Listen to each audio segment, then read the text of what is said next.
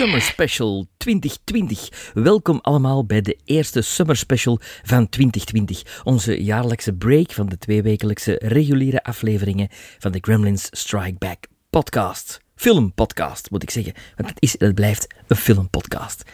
Summer 2020 is wel een speciale zomer en net zoals het hele jaar 2020 een speciaal jaar zal blijven in de geschiedenisboeken. De cinemas krijgen weinig tot geen nieuwe films aangevoerd. Tenet blijft zich maar uitstellen. De hype begint zo'n beetje belegen te klinken, naar mijn gevoel.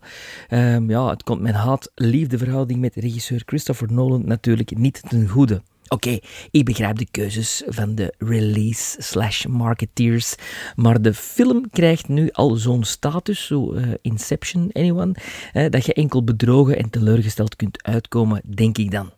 Veel erger, naar mijn bescheiden gevoel, is het uitstellen van de live-action versie van Mulan. Ja, dat is iets waar ik veel meer naar uitkeek. Die trailer is gewoon goosebump territory, terwijl het een trailer van Tenet mij koud nog warm maakt. Anywho, geen nieuwe films in de zomer van 2020. Dus ik heb lang getwijfeld over wat ik nu net zou doen voor mijn summer special. Maar toen kwam ik plotseling mijn oude verzameling AU-bekens tegen. En toen wist ik het. Ja, natuurlijk voor de luisteraars die niet weten, wat is een AU-beke? Ik hoor het u tot hier denken. Wel, een AU-beke, dat is een programmaatje. Een programmaatje dat vroeger in de Antwerpse cinemas werd uitgedeeld. De Antwerpse kinemas, zoals het dan genaamd werd. De Antwerpse kinemas bieden u ontspanning en vermaak, naar uw smaak. En zo'n AUB, dat was eigenlijk zo'n leafletje uh, dat zo in, in drie werd gevouwen, of soms in vier, als er veel films uitkwamen. En ik heb er zo een paar. Ik heb, uh, ja, ik heb dat allemaal bijgehouden van vroeger. Een beetje als jeugdsentiment, herinnering. Maar nu ben ik heel blij dat ik die allemaal heb bijgehouden, eigenlijk. Maar ik mis er natuurlijk ook een hoop. Hè. Dus en dit is een warme oproep naar luisteraars, mensen die weten waar dat je die AUB'kes nog kunt vinden. Of misschien mensen die er thuis toevallig nog een paar hebben liggen en die er echt van afvullen. Want het is en het blijft voor sommige mensen gewoon maar papier, terwijl het voor mij een zeer emotionele uh, waarde heeft.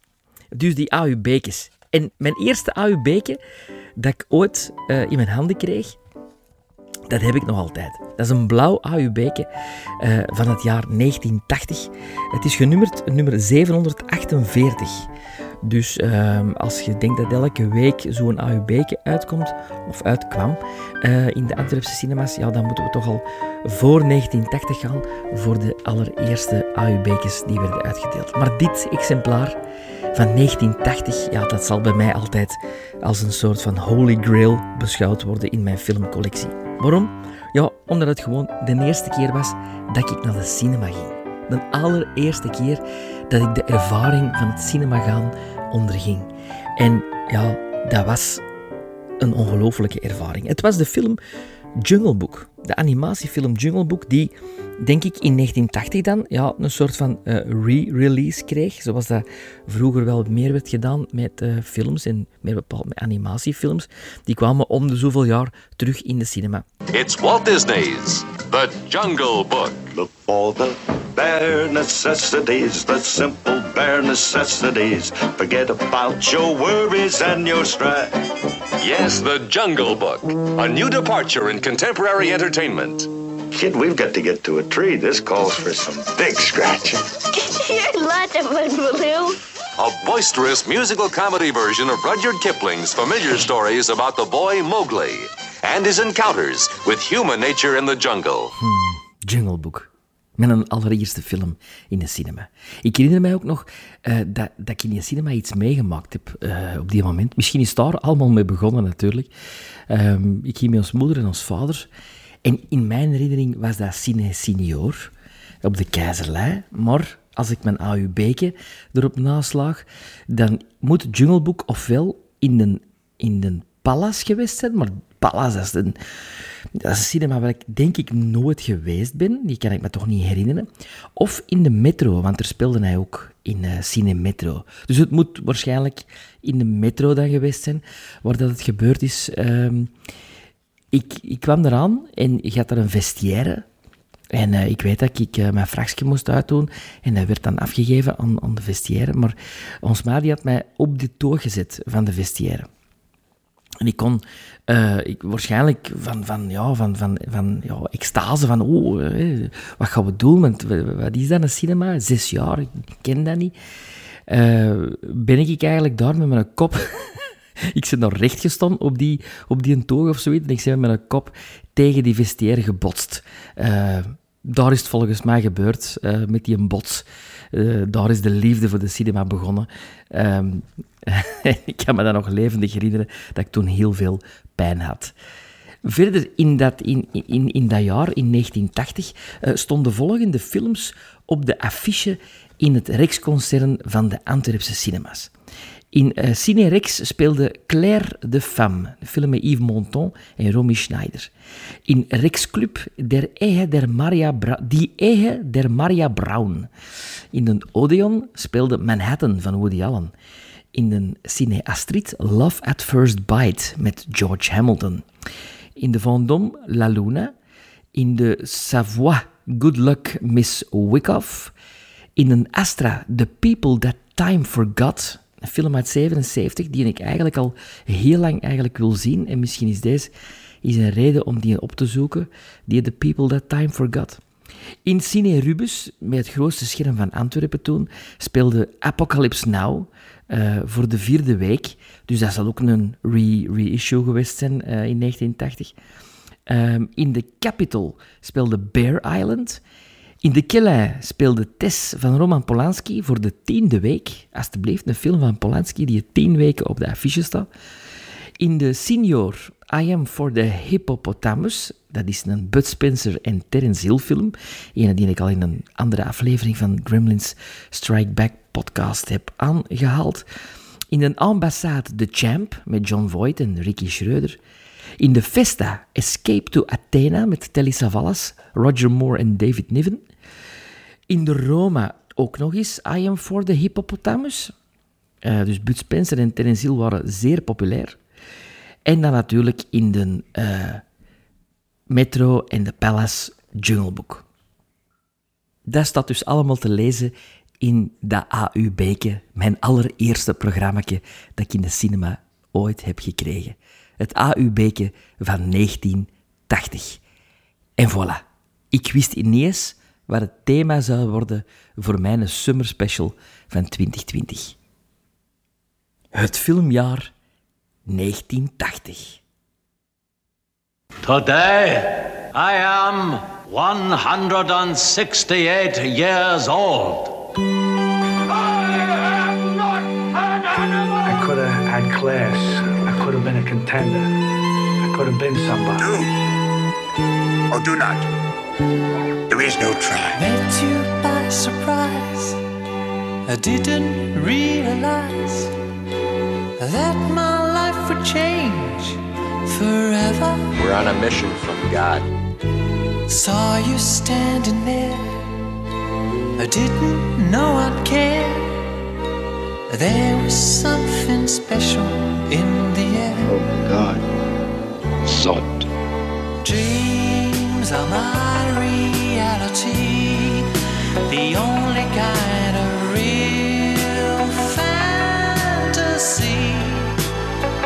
Illusions are a common thing. I try to live in dreams, it seems as if it's meant to be.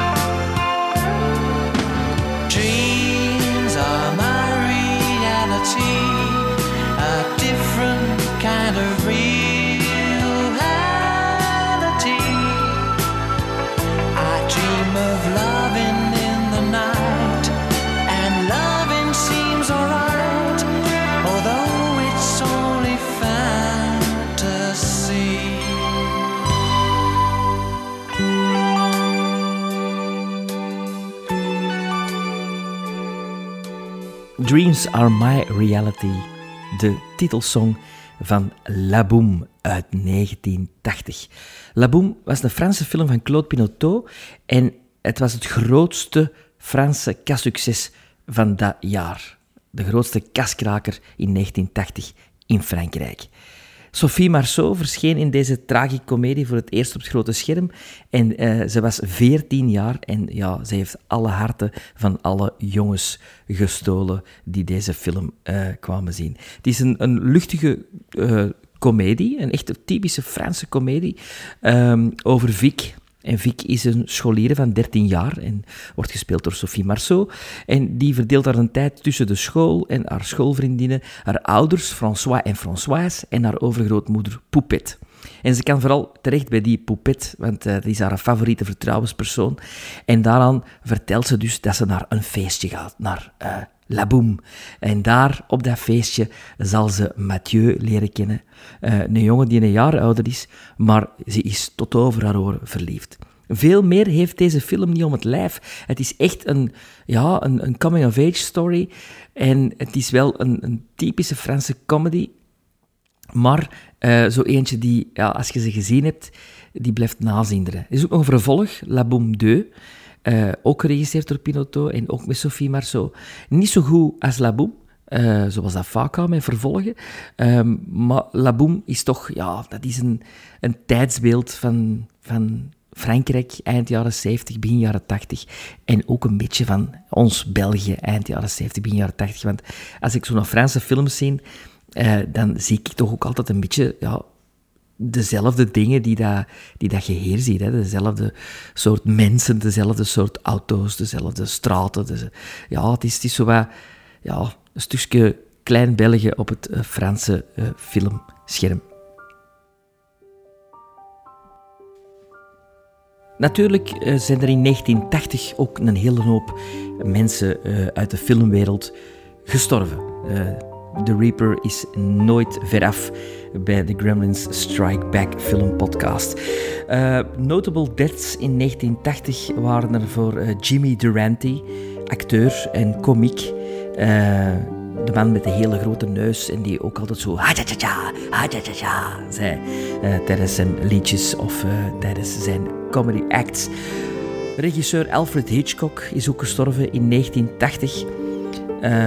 Icoon Steve McQueen uh, kwam ook te overlijden in 1980. Uh, ehm, Old Hollywood star Mae West, uh, ook overleden in 1980. Ehm, Dorothy Stratton, een eh, jonge actrice die werd vermoord door haar jaloerse vriend, eh, omdat ze een relatie had met Peter Bogdanovich. Er is een film over haar gemaakt. en een film de, over het leven van haar, echt een autobiografische film, The Life of Dorothy Stratton. Um, denk ik dat die film zo heet. Ik wil het even kwijt zijn. Maar je hebt ook Star 80. En Star 80 uh, eh, is een film waar een van de Hemingway-zusjes de rol speelt van Dorothy Stratton. En waar heel de zaak van de overspelige ex-playboy bunny coming actress... die dan wordt vermoord door haar jaloerse vriend uit de doeken wordt gedaan. Maar wie er 40 jaar geleden ook gestorven is, is een van mijn helden. Peter Sellers. CBS News, British comic actor Peter Sellers has died in London at the age of 54. This is Doug Poling reporting on the CBS radio network.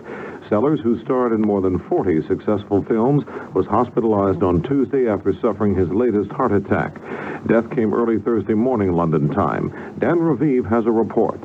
According to a hospital spokesman, Sellers never regained consciousness. His heart simply stopped beating, and all the mechanical breathing equipment he was attached to just couldn't help. His 25-year-old wife, American actress Lynn Frederick, was at his bedside when he died, and so was his 26-year-old son by a previous marriage. Sellers has been one of Britain's most popular comic actors for more than 20 years, and Hollywood made him an international superstar. A master of varied voices, he played several roles in Doctor Strangelove. He was Inspector Clouseau in a string of Pink Panther movies. And this year he was nominated for an Academy Award for his starring role in the film Being There. Four marriages, four heart attacks, so many characters inside this one hyperactive man who once told an interviewer, I haven't a clue as to who I really am. Uh, could we have the name, please? Bond. James Bond. James Bond. James Bond? Yes, James Bond. Yes, James Bond.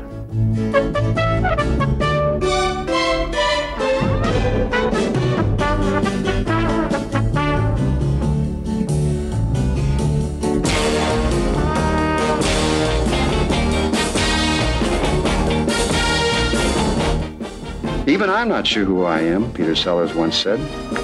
And in a remarkable career that spanned 30 years and over 50 films, he proved his theory again and again.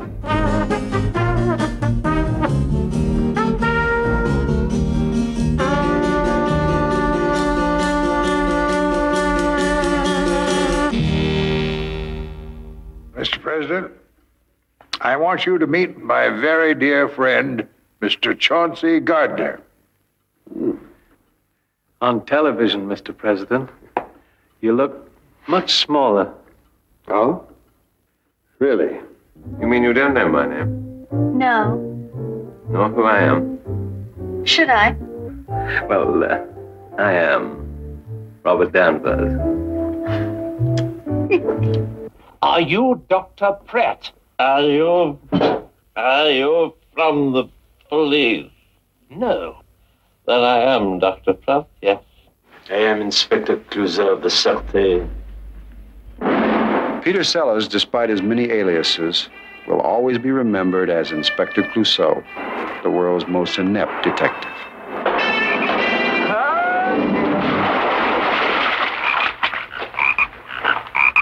There is something that I am very interested to know. This room is. Look, what happened? Regardless of his many disguises, audiences never failed to recognize and appreciate the talents of Peter Sellers. He remains one of the funniest and most gifted actors ever to appear on film. Peter Sellers is ongetwijfeld een van de grootste comedy-acteurs aller tijden. Ehm, ik ben recentelijk mij heel hard gaan verdiepen in, in, in deze man eh, en in zijn films. Ik had vroeger nog zo'n periode, nog zo'n Peter Sellers periode, waar dat ik dan eh, alles wou zien van Peter Sellers, biografieën lezen, documentaires erover zien. Ehm, en ja, nu zit ik terug in zo'n periode, omdat ik elke keer nieuwe dingen ontdek. Eh, hoe, geniaal dat hij is in, in, in kleine bewegingen, in, in, in, in, manier van fraseren van bepaalde zinnen. Bepaald. Het is ongelooflijk. Eh, Inspector Clouseau is natuurlijk ja, een van zijn meest iconische rollen. Dr. Strangelove speelt hem uh, verschillende rollen in. Maar The Party bijvoorbeeld is ook zo'n uh, ongelooflijk uh, klein diamantje in zijn oeuvre. Hij heeft ook een hele hoop rommel gemokt. Um, zoals blijkbaar The Fiendish Plot of Fu Manchu. Uh, een film die ik niet gezien heb, maar die ook in 1980 is uitgekomen en officieel dus eigenlijk zijn laatste uh, film is. Today, I am 168 years old. That is because of my elixir vitae, source of life and youth. And you have been in, in more than 50 films in the last 30 years. Do you have a single favorite role? Uh, well, uh, aside from being there, I think the thing, the film I most enjoyed being in was Doctor Strangelove. Uh, two particular characters. Uh, aside from that, being there was an ambition, you know, that I wanted to do all my life. What did you like about Strangelove? I liked the character of the Doctor, and I liked the character of the uh, group captain, Mandrake. Yes, uh, those two, and uh, lovely memories of Stanley Kubrick and uh-huh. Terry Southern and. Do you ever go back and see your movies? Do you like uh, to watch yourself in the movies? Do you watch them on television, or do you go to the theaters and watch your movies? No, um, I went last night to see Being There because I hadn't seen it with an audience, and it was uh, very interesting to see the reaction, you know, on various levels. Because uh, the, the audiences here are very sophisticated; they pick up very quickly. I notice on on little innuendos. Really? Yes, yes. In different parts of the world, you think audiences are act differently to the same film? Oh, absolutely. I mean, I haven't seen that in yeah. other parts of the world, but other films they do. Yes. What's the difference between a, a, a California audience and a London audience, for instance? Well, a California, uh, a London audience and a New York audience are identical. I really? mean, if you're taking a West End audience, right? Yeah. Identical. They're very hip. And I would say, like in Westwood, about the same. About the same. But you get out of those areas in England, and you're in a totally. You've got to be careful what you show them. Who are you talking as now? Somebody told me you have no voice. Time magazine's cover story insisted that there is no Peter Sellers, that you are only a, a mass of characterizations, and that inside there is no body. That's true. Yes. How did how did you react to that? Well, uh, I, I didn't react. Uh, I just mouthed things. Uh, and this is not entirely true. It comes from working for, for, for years in radio, Gene. Who am I talking to now? Um, let me see. Uh, he's not in, I'm sorry. Anybody In 2004 is er een ongelooflijke film gemaakt over het leven van Peter Sellers, namelijk The Life and Death of Peter Sellers. Ik heb er in een vorige aflevering het ook al over gehad. Uh, Jeffrey Rush speelt op onnavolgbare wijze Peter Sellers. Dat is echt ongelooflijk hoe dat hij dat doet. Maar niet alleen speelt Peter Sellers, hij speelt ook zijn moeder en nog andere uh, characters uit het leven van Peter Sellers. Uh, John Lithgow speelt Blake Edwards en uh, de vrouwelijke rollen zijn er voor Charlize Theron en Emily Watson. Het is echt een... Oh ja, en Stanley Tucci speelt Stanley Kubrick. Ja, ook heel tof. Het is echt een must-see film voor iedereen die meer wil te weten komen over het leven en wat voor een personage Peter Sellers eigenlijk was. Want hij was niet één personage, hij was ook in het echte leven ja, een beetje um, a man of thousand faces. Who are you? I'm Peter. Peter Sellers. And he was one of the greatest comic geniuses in motion picture history. Mr. Sellers, I know you're quite big on radio. This is the BBC Home Service. But film's a bit of a different medium. No one's gonna hand it to you. You gotta go out and take it. Ah! He wasn't just a character. He was hundreds of characters. Which one of you gentlemen is Peter Sellers? Tell me you got that. Discover the one side of Peter Sellers ah! the world has never seen. Drive on, James. Such a funny boy. Himself. Your father is a useless, talentless, empty man. Did you know that? Yes, Daddy. Nothing makes me happy the way that I'm supposed to be happy. You know Daddy didn't mean it, don't you? I was bloody awful up there. I thought you were brilliant. I don't really have any personality of my own. I could use your support. You've always had my support. It's my patience that I'm no longer sure about. I want to be a mother to our child. You see, Peter, you like pretty ladies. You're quite a perceptive man. Well, we do have all night. You naughty boy. Must take up photography. Ik wil nog een klein stukje laten horen van Peter Sellers, um, die het heeft over een van zijn hartaanvallen. Ik denk dat het over hartaanval nummer 3 ging. Uh, de vierde is hem dus fataal geworden. Uh, maar dat is toch wel een echt ja, typerend uh, Peter Sellers fragmentje. Please. Well, they, they, no, that's what the fellow said after. He said I was dead for two minutes, clinically dead. And um, I, I, guess I was, you know. I, I don't know, because uh, it was just like going to sleep. So I never be frightened of uh, dying. People always think, you know, everyone goes, but it was just like going to sleep. I sort of, you know, you sort of dozed off, and then when I came to life again, it was like waking up because it got this machine plugged into me and put in a massive electric shock. And uh, it was the first time they'd used one of these. There's only two of them in the world. I was very lucky to be in Los Angeles. And um, that's what was said about it at the time. If you if it had happened anywhere else to you, you would have been dead. Absolutely, yes. and uh, they didn't have time to strap me on this bed. You see, so they all the four of these doctors in this um, intensive care unit hanging on. But of course, every time my heart got this enormous shock, they did as well. And I sort of woke up and saw these guys in white coats flying up through the air. Very strange thing to see, you know, because there's white light there and a lot of guys floating around in the air. And um, uh, I have no other recollection of it, actually. Do you wonder where you were? I mean, yes, I always, you know, I thought, well, when am I going to see heaven? When am I going to see angels? When am I going to see whatever? I don't know. Maybe the transition time wasn't long enough, or I, I don't know. I can't sort of figure it. Or maybe I wasn't really dead. Maybe there wasn't enough time for the soul to leave the body.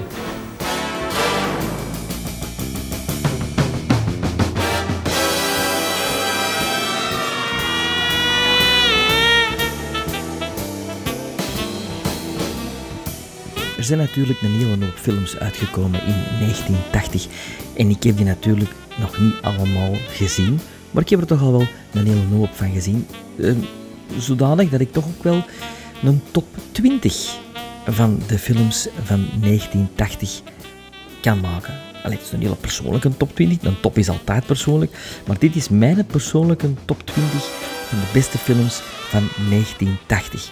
Ik heb mij voorgenomen van niet te veel uitleg te geven over de films, omdat ik nogal de neiging heb om dingen te spoilen. Niet waar, Maarten? Niet waar, Bart? Um, maar om het dan helemaal uh, ja, uh, spoiler-free te maken, dat kon ik natuurlijk ook niet. Dus ik ga van de 20 films die ik heb gekozen een klein uh, stukje van de trailer laten horen, of een fragmentje, of gewoon dat je een beetje de sfeer van de film kunt beluisteren. Dus we gaan van 20 naar 1, mijn top 20 van de films uit 1980. Op 20 beginnen we meteen met een Vlaamse film. Jawel. Op nummer 20 staat Hellegat van Patrick Lebon. Hallo? Wat is nou weer allemaal uitgestoken? Wie draagt gezegd dat mijn poeder onder schakelbord nog komen? Ja, ik speel in eerste klas, Jan! Oh, dat zullen we dan een zondag na de match wel zingen, hè? Oké, ja, stop. Weet je bij wie ik chauffeur mag gaan spelen? Nee. Bij Hendrix. Is de firma. Die chemische afval uit de stad hier in de Ruppelstreek komt storten. Mijn 45.000 baksteentjes, meneer Lagas, die stond te wankelen op de rand van die, van die putten. Zie je mij dat al doen? Die smeerlapper achter Louise en deur wegkappen. Door dat vuil zitten mijn bakstenen vol met ratten. En die ratten hebben al drie van mijn beste duiven kapot gebeten.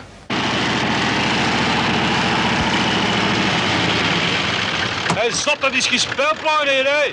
Knecht van la gas. Ga God er al kapot? Zit je een uitzondering misschien? Op de voetbal heb je problemen, bij la gas ook al. Chauffeur vindt het te min in de stad wilde niet gaan wonen. En ga wil trouwen om van mijn centen te leven, zeker. Smeerlappen!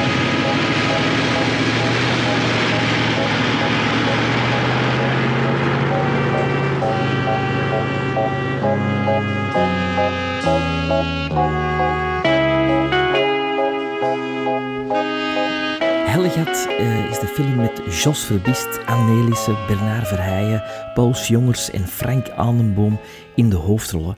En het is dus de film van Patrick Lebon, dezelfde man die Zaman ook gemaakt heeft, drie jaar later. Voor mij de allerbeste Vlaamse film aller tijden. Hij heeft ook nog Paniekzaaiers gedraaid in 86 met Gaston en Leo.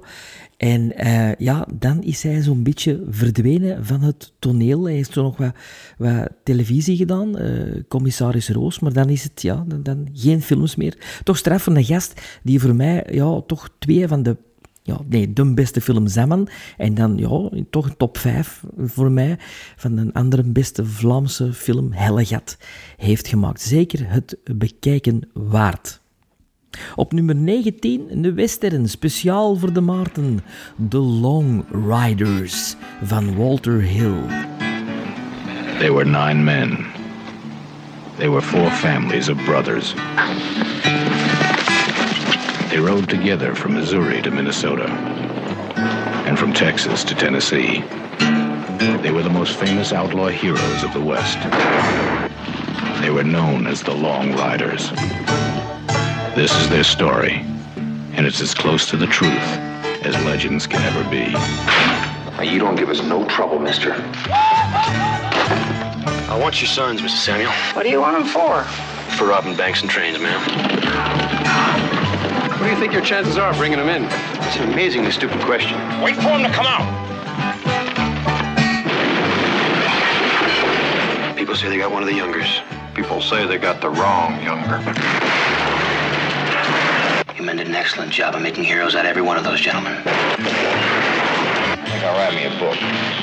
Make myself even more famous than I am. You ever been in love? Excuse me, miss. I was wondering if you care to dance. I'd be delighted. Coming back for you. We're gonna be meeting up real soon. They got a real fat bank up there. Scouted it out myself. Northfield. You open that safe, mister, you hear? The Pinkertons told us he might be coming. They're robbing the bank! David, Keith, and Robert Carradine as Cole, Jim, and Bob Younger. James and Stacy Keach as Jesse and Frank James. Dennis and Randy Quaid as Clell and Ed Miller.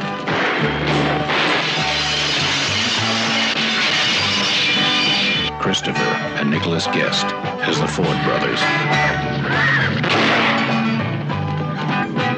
The Long Riders. Het speciale aan de Long Riders is natuurlijk dat de broers in de film gespeeld worden door echte broers. De gebroeders Carradine, alle drie.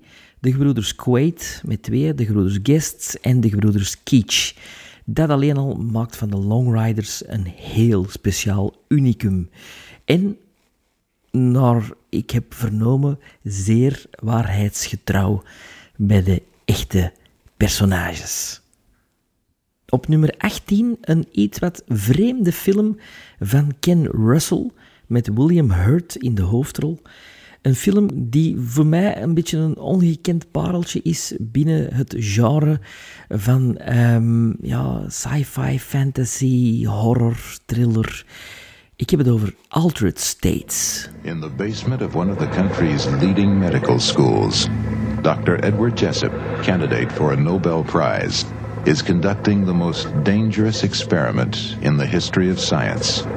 And the subject of the experiment is himself.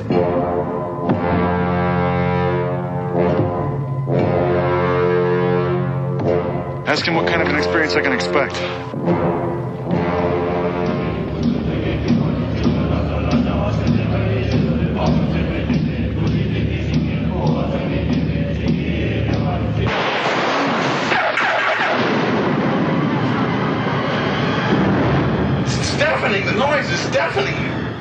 Blacked out. What happens during these blackout periods is you get the feeling of phenomenal acceleration, like you're being shot out over millions, billions of years. Time simply obliterates. You guys are shooting off with an untested drug that stacks up in the brain and works in the nucleus of the cell, and you don't call that dangerous. Now, I'm asking you to put the experiment off until we understand a little more in order to minimize the no risk. way. I'm really frightened. We could be screwing around with his whole genetic structure. Now, how do we stop this? We've got millions of years stored away in that computer bank we call our minds. We have got trillions of dormant genes in us, our whole evolutionary past. Perhaps I've tapped into that. He may be onto something that is beyond our own comprehension. Now, because I believe him, I want this thing stopped. The hell was that? You okay? If you love me, if you love me, Eddie, get fired!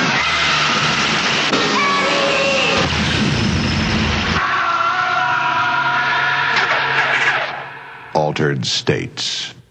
William Hurt die een klein beetje gaat experimenteren op zichzelf. Jawel. En wie ook van experimenten houdt, is Kirk Douglas. Maar ja, een beetje buiten zijn wil om. Want op nummer 17 staat de time traveling story van The Final Countdown. On December the 6th, 1980, the nuclear powered attack aircraft carrier USS Nimitz, with a crew of 5,000 men and a strike force of 90 aircraft, was on a routine mission in the Pacific when it encountered a storm unlike any ever recorded and disappeared.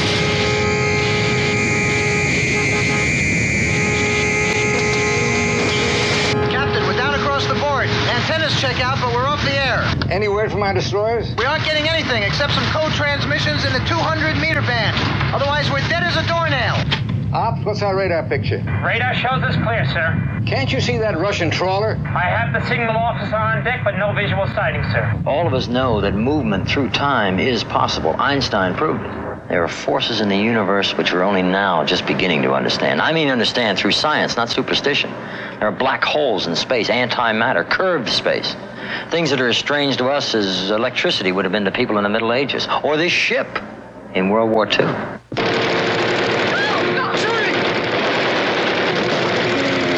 What's happening here? Who are you people? Are we at war? Is that what happened?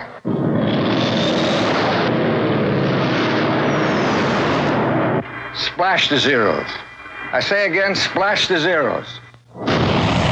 Atom bomb reached the moon years before it should have happened. Is that a terrifying prospect, Captain? Or a tempting one? On December the 6th, 1980, the nuclear carrier USS Nimitz disappeared in the Pacific and reappeared December 6, 1941, off the coast of Pearl Harbor. The final countdown is about to begin.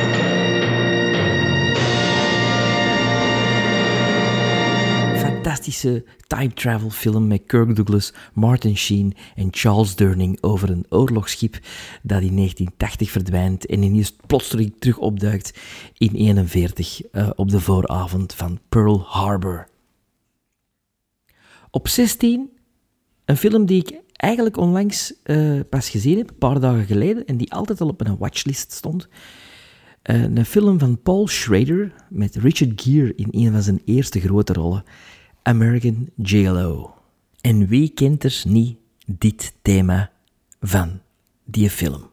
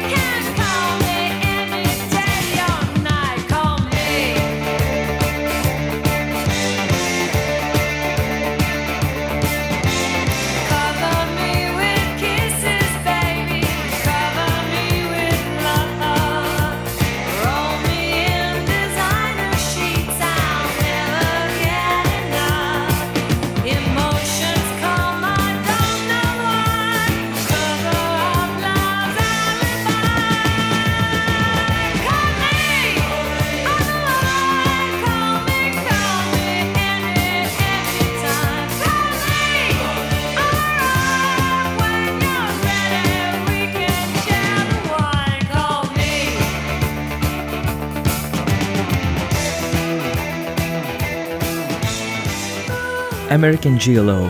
Ja, is eigenlijk meer een sfeerbeeld ook van, van begin jaren 80. Um, een film die je moet gezien hebben.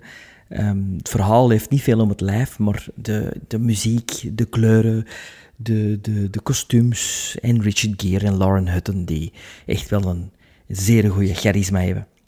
Op 15 een heel ander soort film. Een film die destijds, toen hij uh, uitgebracht werd, verguisd werd door de gay community. En ik denk dat je vandaag de dag zo'n film niet meer kunt maken. Het is een film van William Friedkin, regisseur van The Exorcist en van Sorcerer en van The French Connection en van To Live and Die in L.A. Maar in 80 had hij Al Pacino in de hoofdrol kunnen strikken van Cruisin'. From William Friedkin. We've been finding parts of bodies floating in the river. Comes a psychological thriller. Why don't we take a walk?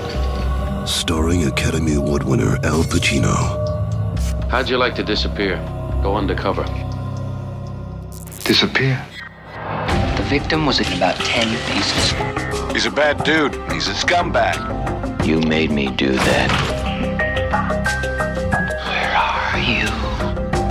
Things happening to me, you know? A controversial and landmark film.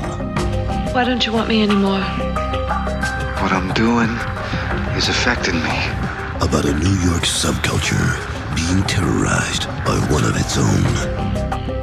There's just stuff going down. You know what you have to do. Now I'm afraid.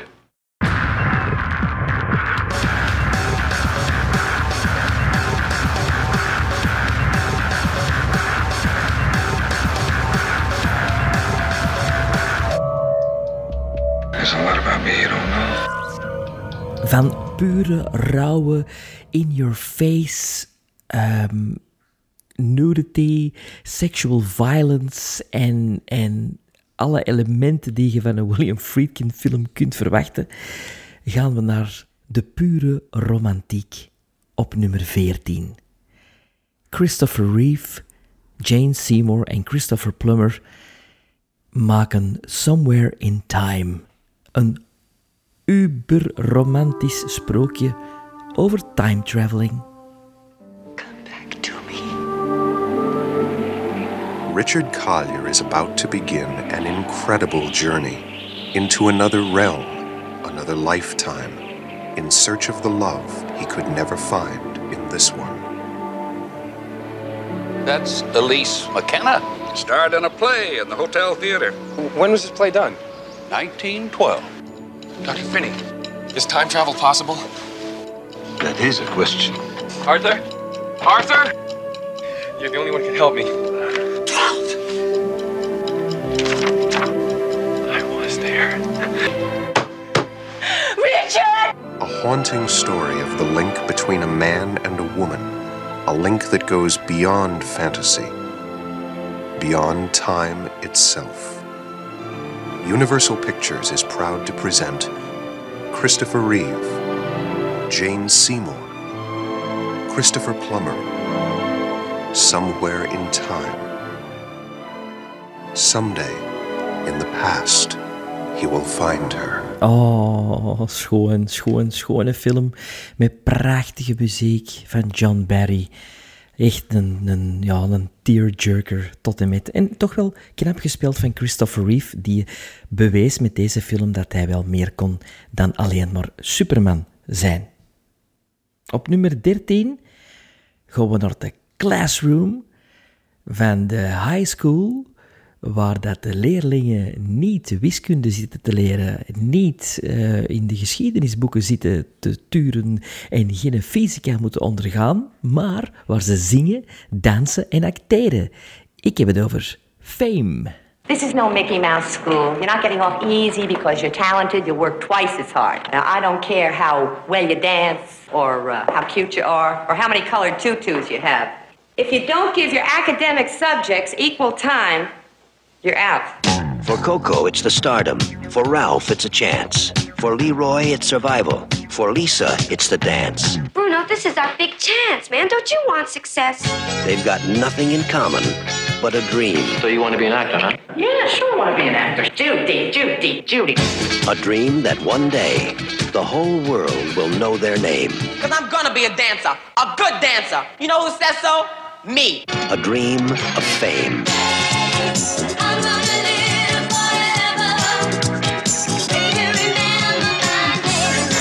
Fame. It's the dream of instant success. Dat was een ongelooflijke droom die ik ook had. Uh, en daarom ben ik ook naar zo'n soort school gegaan.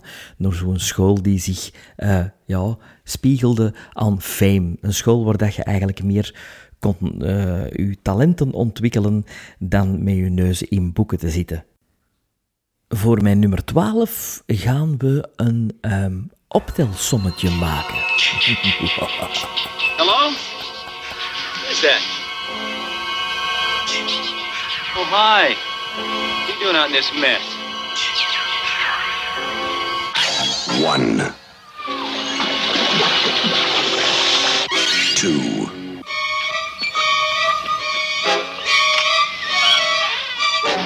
You're doomed. You're all doomed. Three.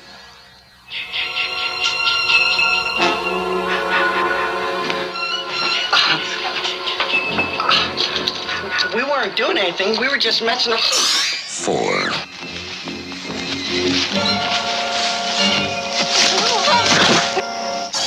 Five. Six.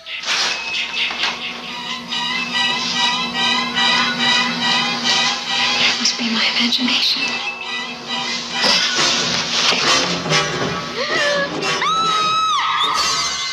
Seven.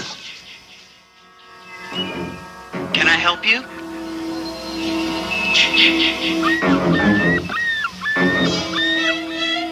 Hello? Eight. Nine.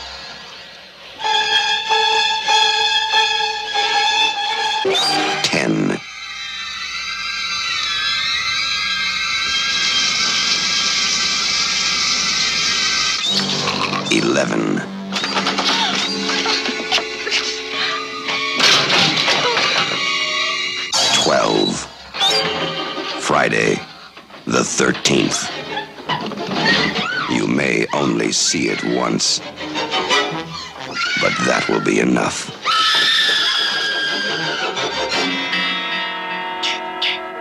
Friday, the 13th. Ja, de originele Friday the 13th. Uh, met onder andere een, een hele piepjonge Kevin Bacon.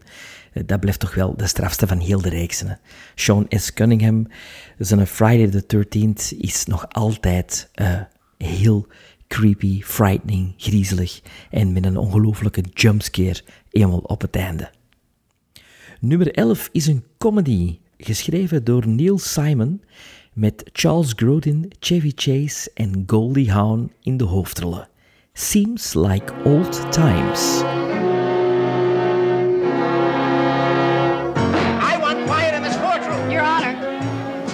Your Honor. Hold it, hold it, hold it. Just, will you hold it? No, Your Honor. Well said, well spoken. This is the story of a lawyer and her husband, the district attorney. They offered me the attorney general spot. Oh, what a wonderful surprise. You want another one? Mm-hmm. Your ex-husband robbed a bank. This is also the story of her ex-husband, a writer. I don't get it. And two thugs. This cleared up for you? No, I'm afraid not. You see, I'm blind. And a bank. Hi, can I help you? Yes, you can. And a stick-up. Yes. Read it. It's self-explanatory. What do I do? I don't know. Let's take a look. Stick up, put all your money in a bag, one more sound, and you're dead. God bless you. And a getaway. I was wondering if I could quit the gang. If the mayor wants out, let him out. And when Neil Simon brings them all together, it seems like old times. Did you rob that bank? Sort of. What do you mean, sort of? I did, but I didn't enjoy it. I don't believe it. You can believe it. Oh, shh. Our wedding pictures didn't turn out that good. It's part Chevy Chase. You know, the last thing in the world I want to do is hurt you. I'm putting you in any jeopardy. I'll leave right now. I'm okay. Part Goldie Hawn. If I was a stray dog, this is the first place I'd come to. Part Charles Grodin. They're getting off. Come on. Come on, get down. Why am I always the last one in the neighborhood to get into bed with you? Put them all together. Hold it right there. You're under arrest. Police are on their way. Didn't like the chicken out? And it's the funniest Neil Simon ever. How you gonna kidnap us if I'm the one driving the car? I'm the one holding the gun. I buy that. If you're innocent, they'll never send you to jail. Is that how it works, Chester? Not in my neighborhood. Seems like old times. A comedy for Christmas. I want quiet in this courtroom. Even een intermezzo. 1980 staat ook bekend voor een paar raar films. Strange movies that changed the history of cinema. Zoals Heaven's Gate, de film die regisseur Michael Cimino zijn carrière gekost heeft. Um, niet alleen zijn carrière, maar ook United Artists, de productiecompagnie van de film, is na deze film failliet gegaan omdat hij ja, over budget is gegaan. Um, het heeft ook veel te lang geduurd om die film op te nemen. En eigenlijk, als je de film ziet, ja, dat is geen slechte film. Dat is een epos, dat duurt veel te lang, maar dat heeft toch een klein beetje uh, redemption nodig, vind ik, na al die jaren. Ah, dat is misschien nog een goede film om eens in de Prison Break te steken, die Heaven's Gate. Een andere rare film uit 1980 is Saturn 3 met Kirk Douglas. Um, een beetje een science fiction parabel waarin dat Kirk Douglas het aan de stok krijgt met uh, een computer. Ja, gewoon een computer. The Formula, ook een heel rare film met Marlon Brando en George C. Scott over um, ja, uh, formules van nazi's die worden teruggevonden jaren na datum. Heel verwarrende en, en rare film. Can't Stop the Music is misschien wel de meest vreemde film van 1980. Maar het is een film die van en met The Village People is. De film was zo slecht dat hij ook ehm, als illustere eerste film ooit de Golden Razzies heeft gewonnen. De Razzies of de Golden Raspberries, dat zijn de prijzen voor de slechtste films en de slechtste acteerprestaties en de allee, overal slechtste ding dat dit jaar is uitgekomen. En die worden meestal uitgereikt de dag voor de Oscars. Maar Can't Stop the Music is dus ja, de eerste film die die eer te beurt viel. Het is zo'n slechte film dat zelfs hier in België um, verdeler Excelsior niet wist wat hij met die film aan moest vangen. Na de visie in Cannes um, hebben die mannen van het Rijksconcern, Excelsior dus, gezegd van ja, dat is zo slecht. Um, ik, wat moeten we daarmee doen? Wel, dacht ene Jean Zegers, die toen mee aan het hoofd stond van Excelsior Films, we maken een deal met EMI en we laten de Village People overvliegen naar België. En we laten die, als het ware, een soort van parade doen door de stad Antwerpen en de stad Brussel. En op die manier zal er wel genoeg volk op de been komen en zullen we die film wel aan de man kunnen brengen. Het resultaat was een ongelooflijke dag of twee dagen dat ze hier geweest zijn, dat heel stad Antwerpen op zijn kop stond voor de village people die in de stad waren. En de film was daarna, enkel in België, een heel groot succes. Eindelijk was het dan 2 september, de dag waarop de discogroep Village People een bezoek bracht aan ons land. Met de twee privévliegtuigen van de firma Travers vlogen ze diezelfde dag naar Deurne.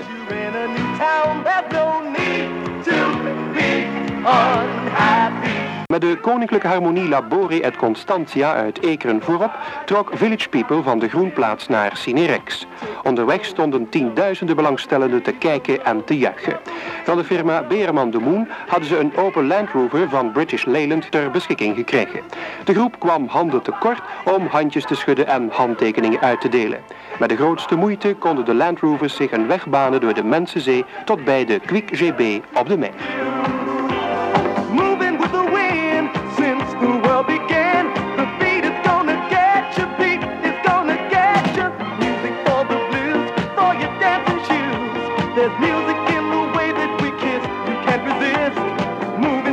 De hele keizerlei was voor de gelegenheid verkeersvrij gemaakt. Een duizendkoppige menigte verwelkomde andermaal de groep. Dansschool Hendricks had iedereen reeds op de juiste disco-temperatuur gebracht... door hun talrijke demonstraties van de dansen uit de film.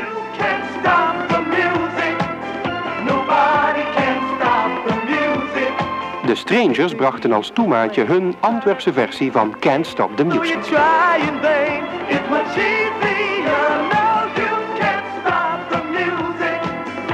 Vuurwerkmaker Hendricks zorgde voor een spetterende finale om zo Village People en Richard Milnes van EMI te danken voor hun komst naar Antwerpen.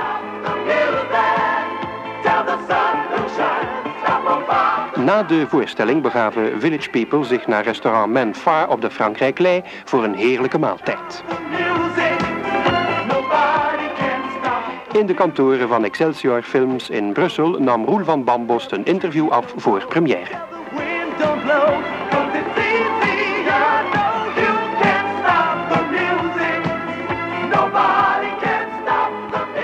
En we gaan terug naar de top 20 van mijn uh, favoriete films uit 1980. En we zaten aan de top 10. En op de tiende plaats staat ook een comedy. Net zoals op de elfde plaats. Maar deze keer is het een comedy met Gene Wilder en Richard Pryor. In regie van Sidney Poitier. Stir Crazy. Will the defendants rise? I hereby sentence you to serve 125 years in the custody of the commissioner. Have you got the right case? They did it to you before. Now they're going to do it to you again. I should have my head overhauled for listening to you. That's Grossberger, the biggest mass murder in the history of the Southwest. Nobody has ever just sat down and honestly talked with that man. Skip, the man is not ready for an interview. Hello. Gene Wilder and Richard Pryor are ready to drive you stir crazy. Give me a light.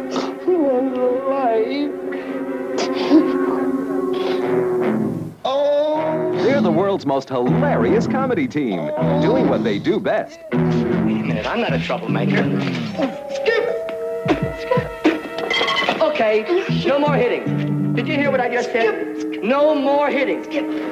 Oh, carry me back to old Virginia. I can't feel nothing in my leg. Gene Wilder, Richard Pryor, That's right, that's right. We back. in Stir Crazy. They're wanted everywhere for laughs.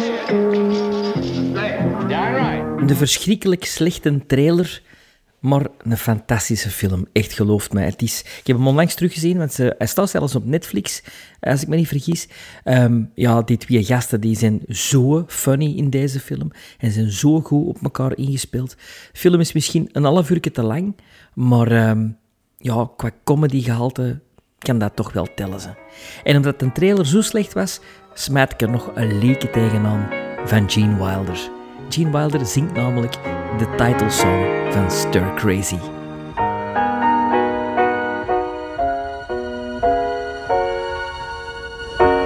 Who needs Hollywood?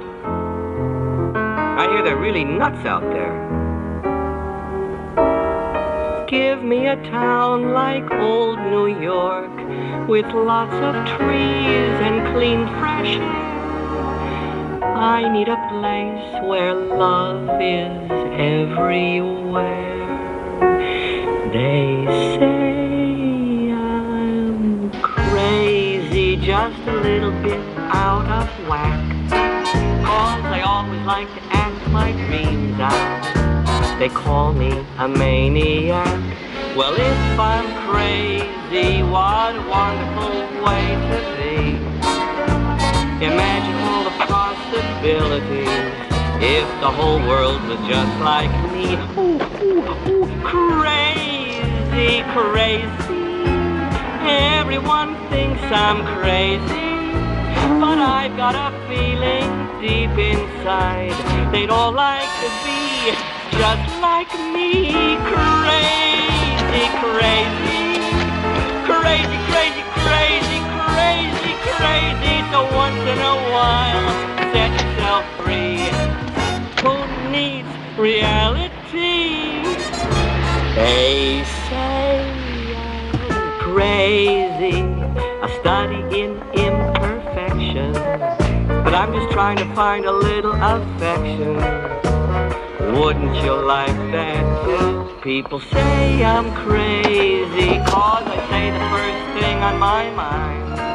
I guess freedom is a serious crime these days. Well, lock the door and then throw away the key. I guess being crazy's best for me. La, Op nummer 9 een heel ander soort film. Een film die overladen is met Oscar-nominaties en die geproduceerd werd door Mel Brooks. Maar Mel Brooks wou zijn naam niet op de generiek, omdat hij dacht van als de mensen mijn naam zien staan, Mel Brooks, dan denken ze dat het een comedy is. En het is alles behalve een comedy. Het is het waar gebeurde verhaal van John Merrick, a.k.a. The Elephant Man. Are you in any pain? Are your parents still alive?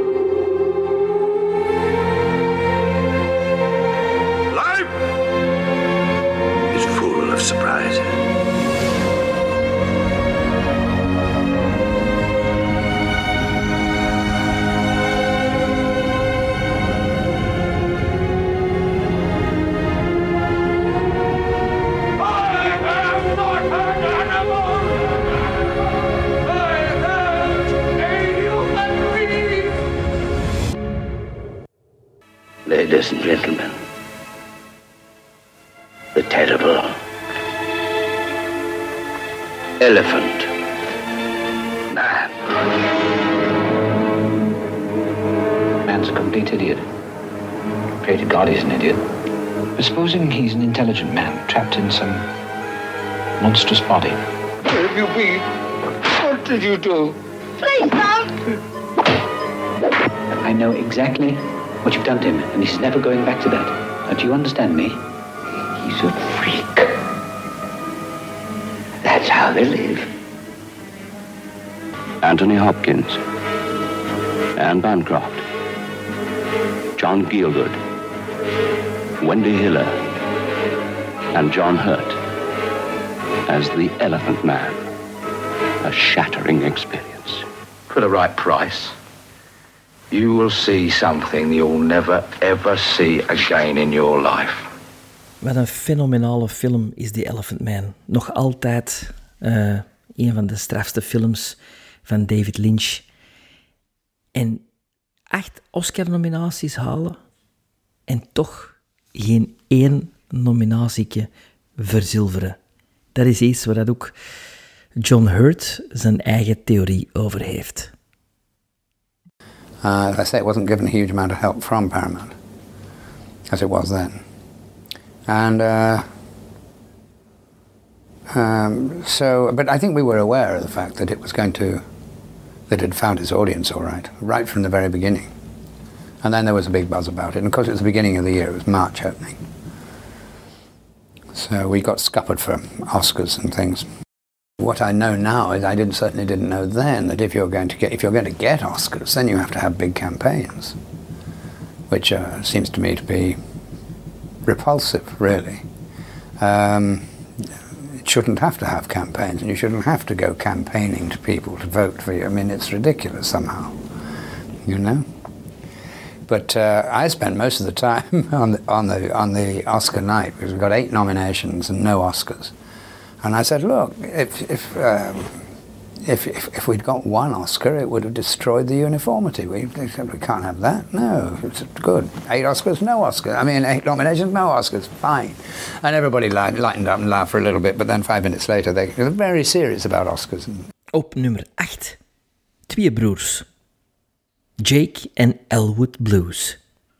Of de John Belushi en Dan Aykroyd as the Blues Brothers. We got a full tank of gas, half a pack of cigarettes, it's dark, and we're wearing sunglasses.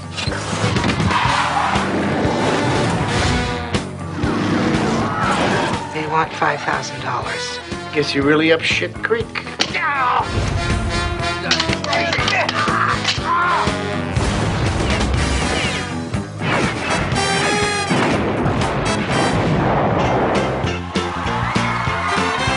Are you the police? No, ma'am. We're musicians. Don't you guys ever wear blue jeans or jumpsuits like like Wayne Cochran and the CC Riders? We're on a mission from God. Good to see you, sweetheart.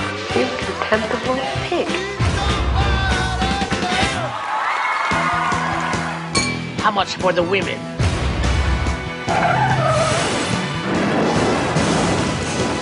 I'm gonna catch that sucker.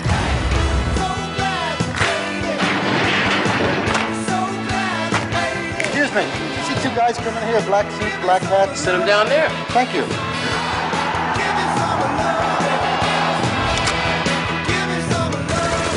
Oh, please don't kill us. You know I love you, baby. Let's go.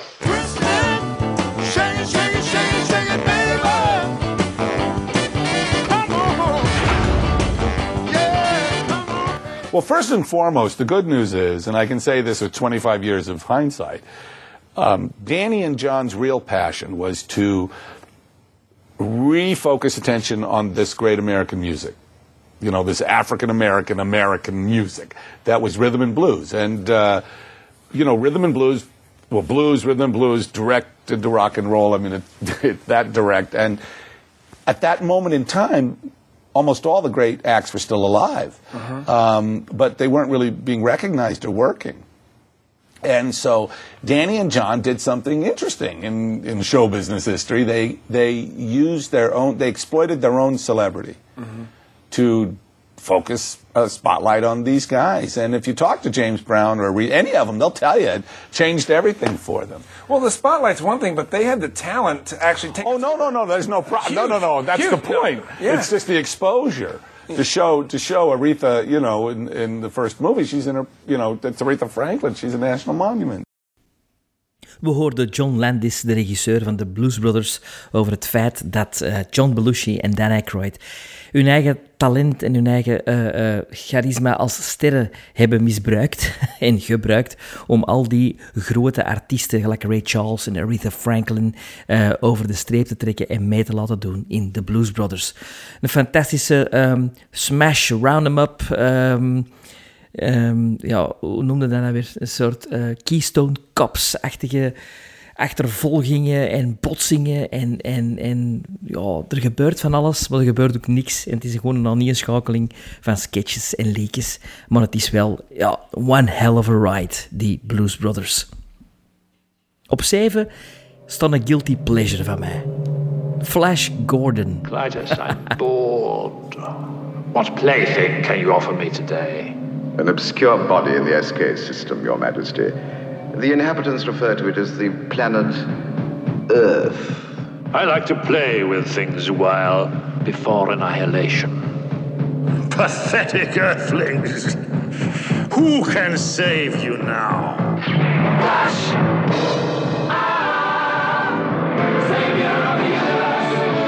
Strange object imaged in the Imperial Vortex.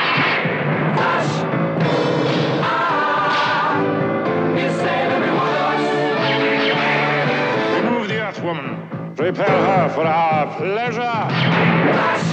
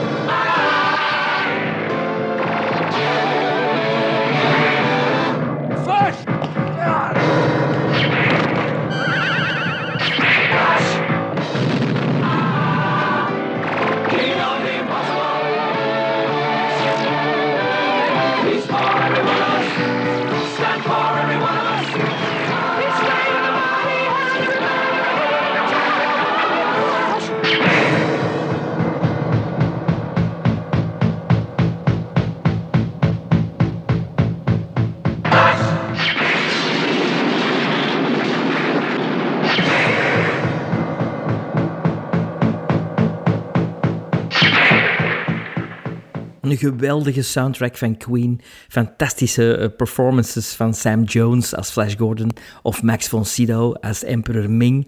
En zelfs een Timothy Dalton, die toen nog geen James Bond was, maar wel al een geweldige prins neerzetten. Allee, het is, het is, je moet het zien om te geloven. Het is pure kitsch, maar het is wel een van de beste uh, verfilmingen van comic strips. Omdat het zo dicht bij het originele uh, blijft. ik had ook een, een Panini-boek, zo, met stickertjes van Flash Gordon. En uh, ja, ik had eigenlijk die boek helemaal verzameld voordat ik de film ooit zag.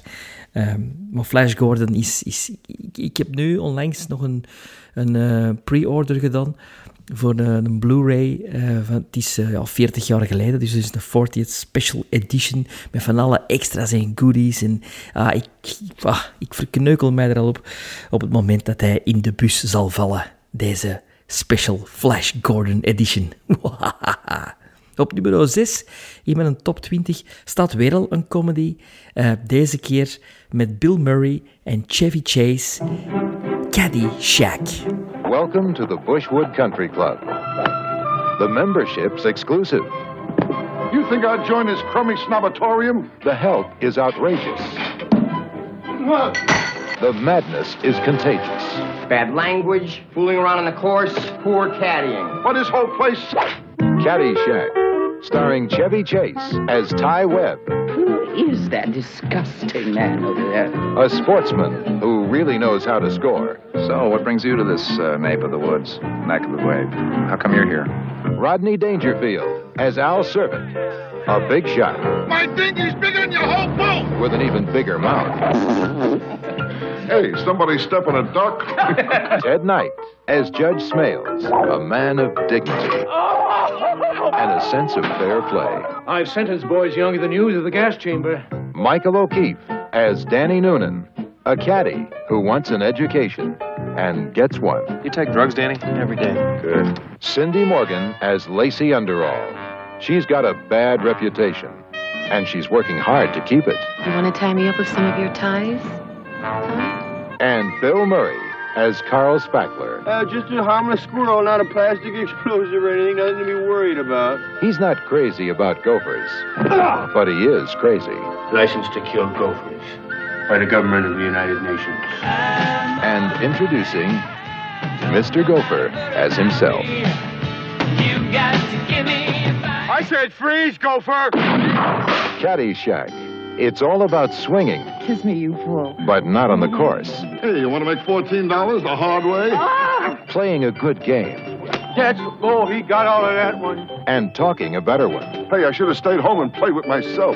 Taking shots That was a bum shot. and making time. We couldn't possibly think less of each other. Controlling your drives Wow! and losing your grip. Ah! It is! You! Out! Score. The man's a menace. Caddyshack. Een volledig smakeloze comedy. Eh, maar als je die op de juiste moment ziet, op de juiste leeftijd, dan eh, heeft hij wel een impact op u. Ehm, Bill Murray heeft trouwens een fantastische vertolking in deze eh, film. eh, Pre-Ghostbusters. Ehm, maar wel van dezelfde eh, makers, hetzelfde team. eh, Ivan Reitman en Harold Ramis. Ehm, we zijn in de top 5 beland. En op 5 de vijfde beste film van 1980 is weer een comedy. Maar wel voor mij de moeder van alle comedies. Het beste dat ooit op comedygebied is gemaakt. Airplane. Stand by for the most extraordinary chain of events ever swept up into high adventure. Hey, Larry, where's the forklift? Forklift! It's over there for the baggage loader. Airplane. Airplane is drama. Uh, this is Dr. Brody at the Mayo Clinic. There's a passenger on your Chicago flight 209er, a little girl named Lisa Davis, en route to Minneapolis. She's scheduled for a heart transplant. I want you to make sure that she's kept in a reclined position and that a continuous watch is kept on her IV. Airplane is action.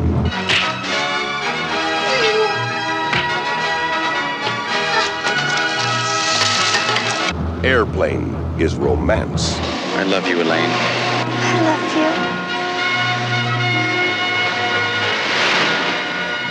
Airplane is music. There is only one river, there is only one sea. Airplane is dancing.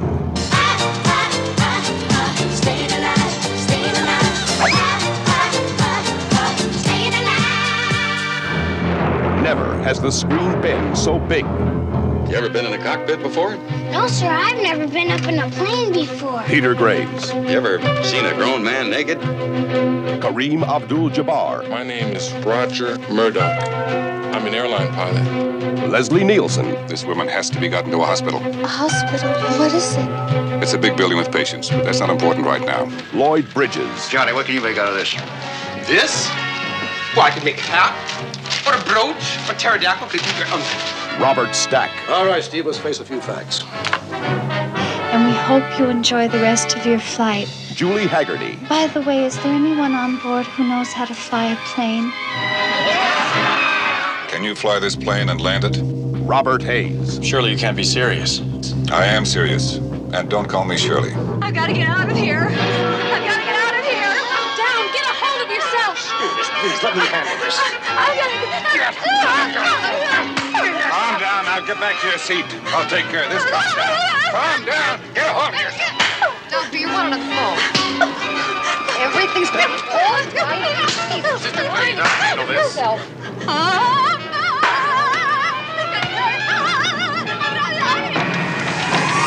Mayday! Mayday!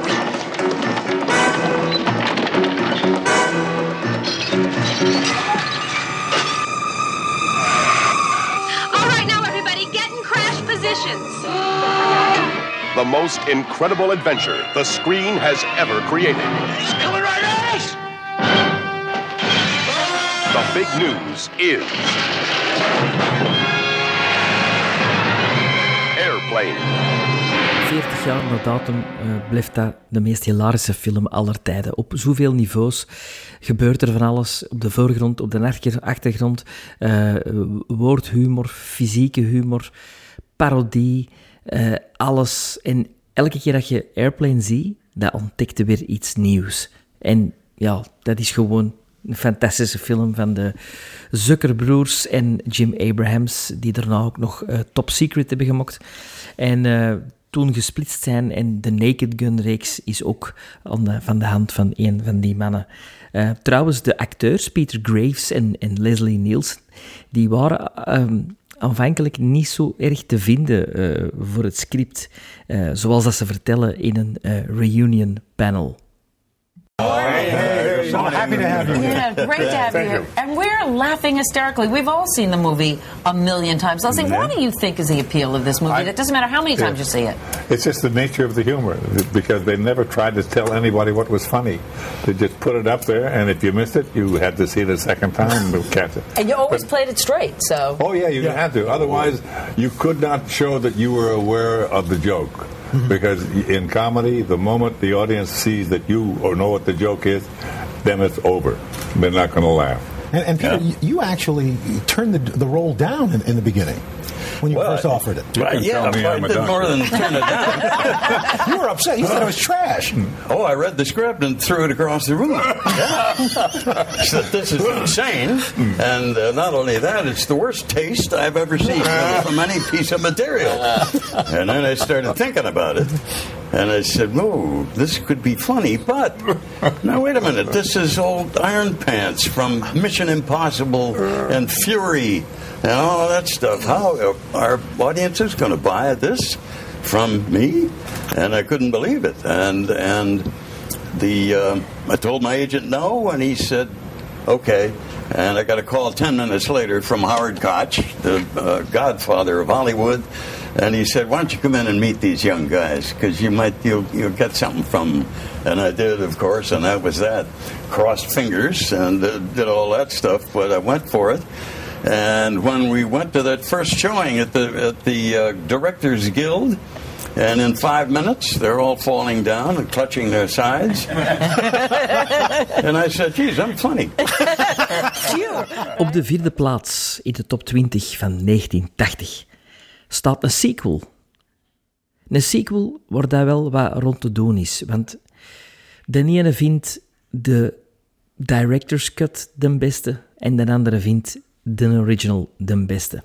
De original is van Richard Lester en de director's cut is van Richard Donner. Ik heb het over Superman 2.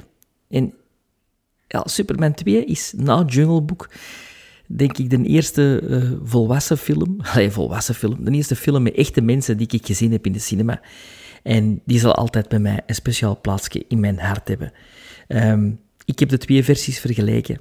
Buiten het feit dat in de Richard Donner cut veel meer Marlon Brando te zien is, vind ik eigenlijk de Richard Lester versie ja, een veel amusantere en entertainende film dan die van Richard Donner. Superman 2 op 4. Superman 2. The adventure continues with the three villains from Krypton. Each one with the same powers as Superman. Each one dedicated to violence against mankind. Think of it. Three supervillains. Or four if you count him twice. The adventure continues in Paris with Lois Lane.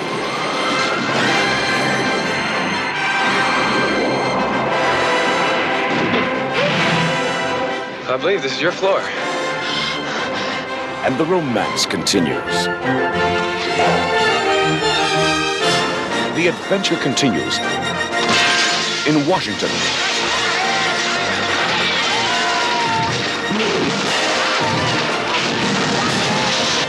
The world is on the brink of destruction. Superman, can you hear me?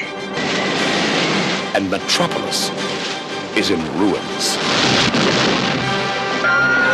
Superman, help us! Is there no one on this planet to even challenge me? Superman! General, would you care to step outside?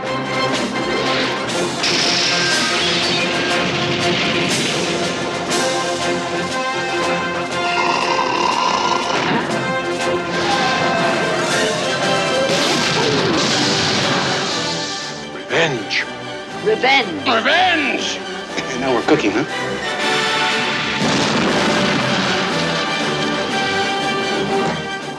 One's just as strong as Superman.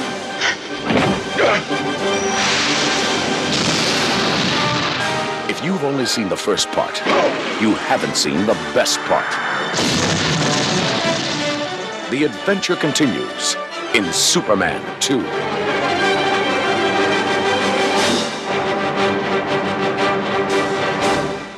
We zijn aanbeland aan een top 3. Mijn persoonlijke top 3 van de films uit 1980. En van de laatste drie films ga ik geen trailer laten horen, maar ga ik mijn favoriete scène laten horen. Op 3 een film waar Robert De Niro zijn tweede Oscar mee heeft gewonnen. Voor de vertolking van Jake LaMotta, de bokser. Een film van Martin Scorsese, Raging Bull. Ehm, ja, visueel verbluffend. En qua acteerprestatie, ja, Robert De Niro, dat is gewoon oorcategorie in deze film. En mijn favoriete scène uit Raging Bull is er één tussen hem en Joe Pesci.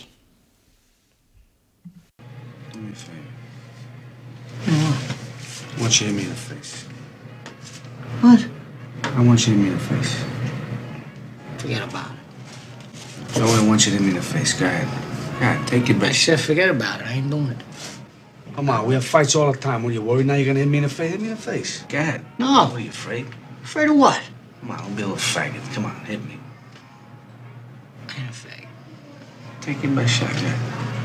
Come on, Jack, huh? You gotta be a real jerk. You want me to punch you in the face. Hey, Joey, did I not tell you just to do it? Now I'm telling you, you gotta do it.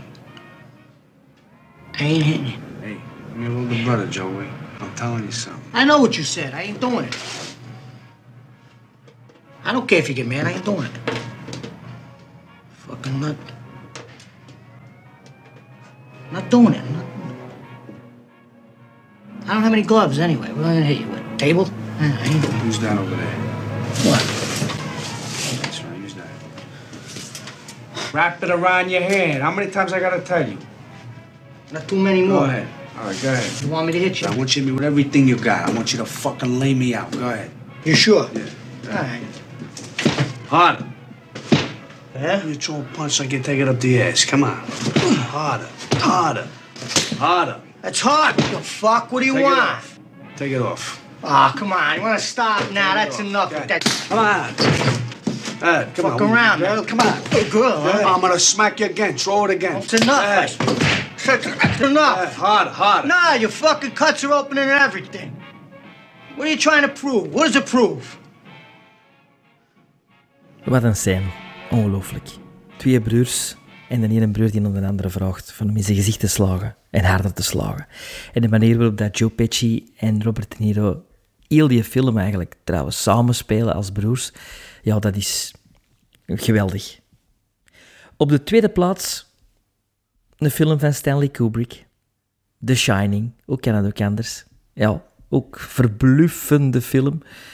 Jack Nicholson, ja, ook oorcategorie. Eh, Dat hem daar eh, geen Oscar voor heeft gekregen, ja. ja. Het was een moeilijk jaar. Robert De Niro heeft hem gekregen.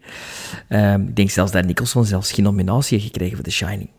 Ehm, The Shining is zo'n film die je ook eh, elke keer dat je die ziet, ontdekt er iets nieuws in. En, en wordt dat beter en beter en beter. En de laatste keer dat ik hem gezien heb, was samen met Bart en met Maarten in de cinema trouwens. En die ervaring om The Shining in de cinema te zien, ik kan het u echt aanraden. Dat is, ja, je ziet nog zoveel meer in die film dan. En mijn favoriete scène uit The Shining is die waar Jack Nicholson plotseling terug in de jaren twintig zit. In het hotel. Good evening, Mr. Torrance. Good evening.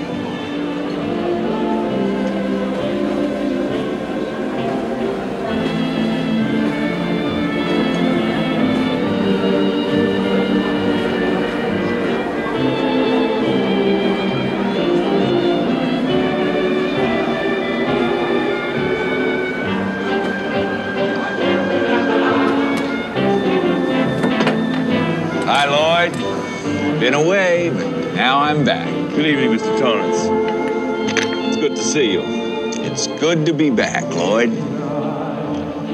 Be, sir? Hair of the dog that bit me. Bourbon on the rocks. That'll do her.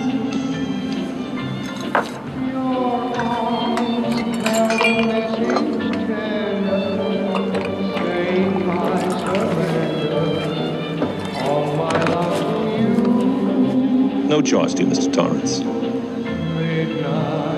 No charge? Your money's no good here.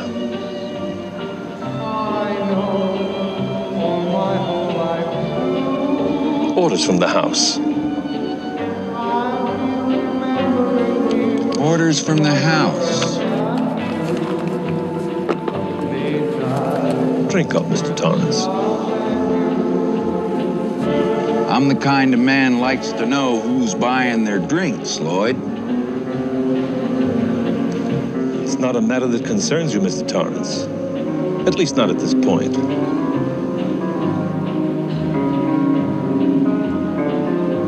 Anything you say, Lloyd. Anything you say. Ik vind dat gewoon een heel angstaanjagende scène. Ehm, omdat dat ook eh, helemaal in een andere sfeer is dan, dan heel de film. Ik vind dat, ja, dat is een beetje time traveling ook. Ehm, speelt het zich af in zijn geest of niet? Ehm, is hem werkelijk uh, even teruggecatapulteerd in een andere dimensie? Ik vind dat uh, in heel de setting ook, die muziek, die kostuums, die, die, die art uh, direction, fantastisch gedaan. En dan nu, tijd voor nummer 1. Ja, het is geen verrassing zeker, hè. maar de beste film van 1980. En laat ons eerlijk zijn, een van de beste films aller tijden is The Empire Strikes Back. Jawel, het vijfde deel van Star Wars, van de Skywalker saga. Um, ik denk niet dat ik uh, er een geheim mee vertel dat dat voor veel mensen de beste Star Wars film is aller tijden, maar ook een van de beste films aller tijden. Scenario zit dat zo goed in. Um, ik heb die in de cinema gezien, als kind ook. Ik denk dat het niet in 1980 was dat ik me gezien heb, maar ik denk een jaar later, in 81. Maar ja, gewoon weggeblazen. Weggeblazen door deze film en door heel de magie van Star Wars. En mijn favoriete scène uit The Empire Strikes Back is niet de scène dat Darth Vader iets zegt tegen Luke. Is ook niet de scène tussen Han en Leia. Alhoewel dat dat een close second was. Maar mijn favoriete scène is een scène van Yoda en Luke.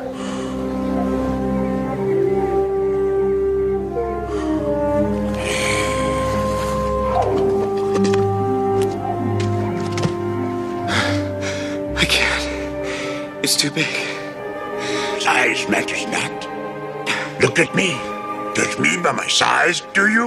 Hmm? Hmm. And where you should not. For my ally is the Force. And a powerful ally it is. Life creates it, makes it grow. Its energy surrounds us and binds us. Luminous beings are we, not this crude matter. You must feel the force around you. Here, between you, me, the tree, the rock, everywhere. Yes, even between the land and the ship.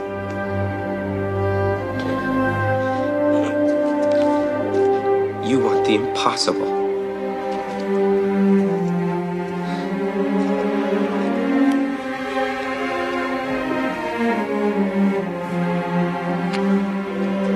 Dat is voor mij de essentie van wat Star Wars is. The Force. Feel the Force around you.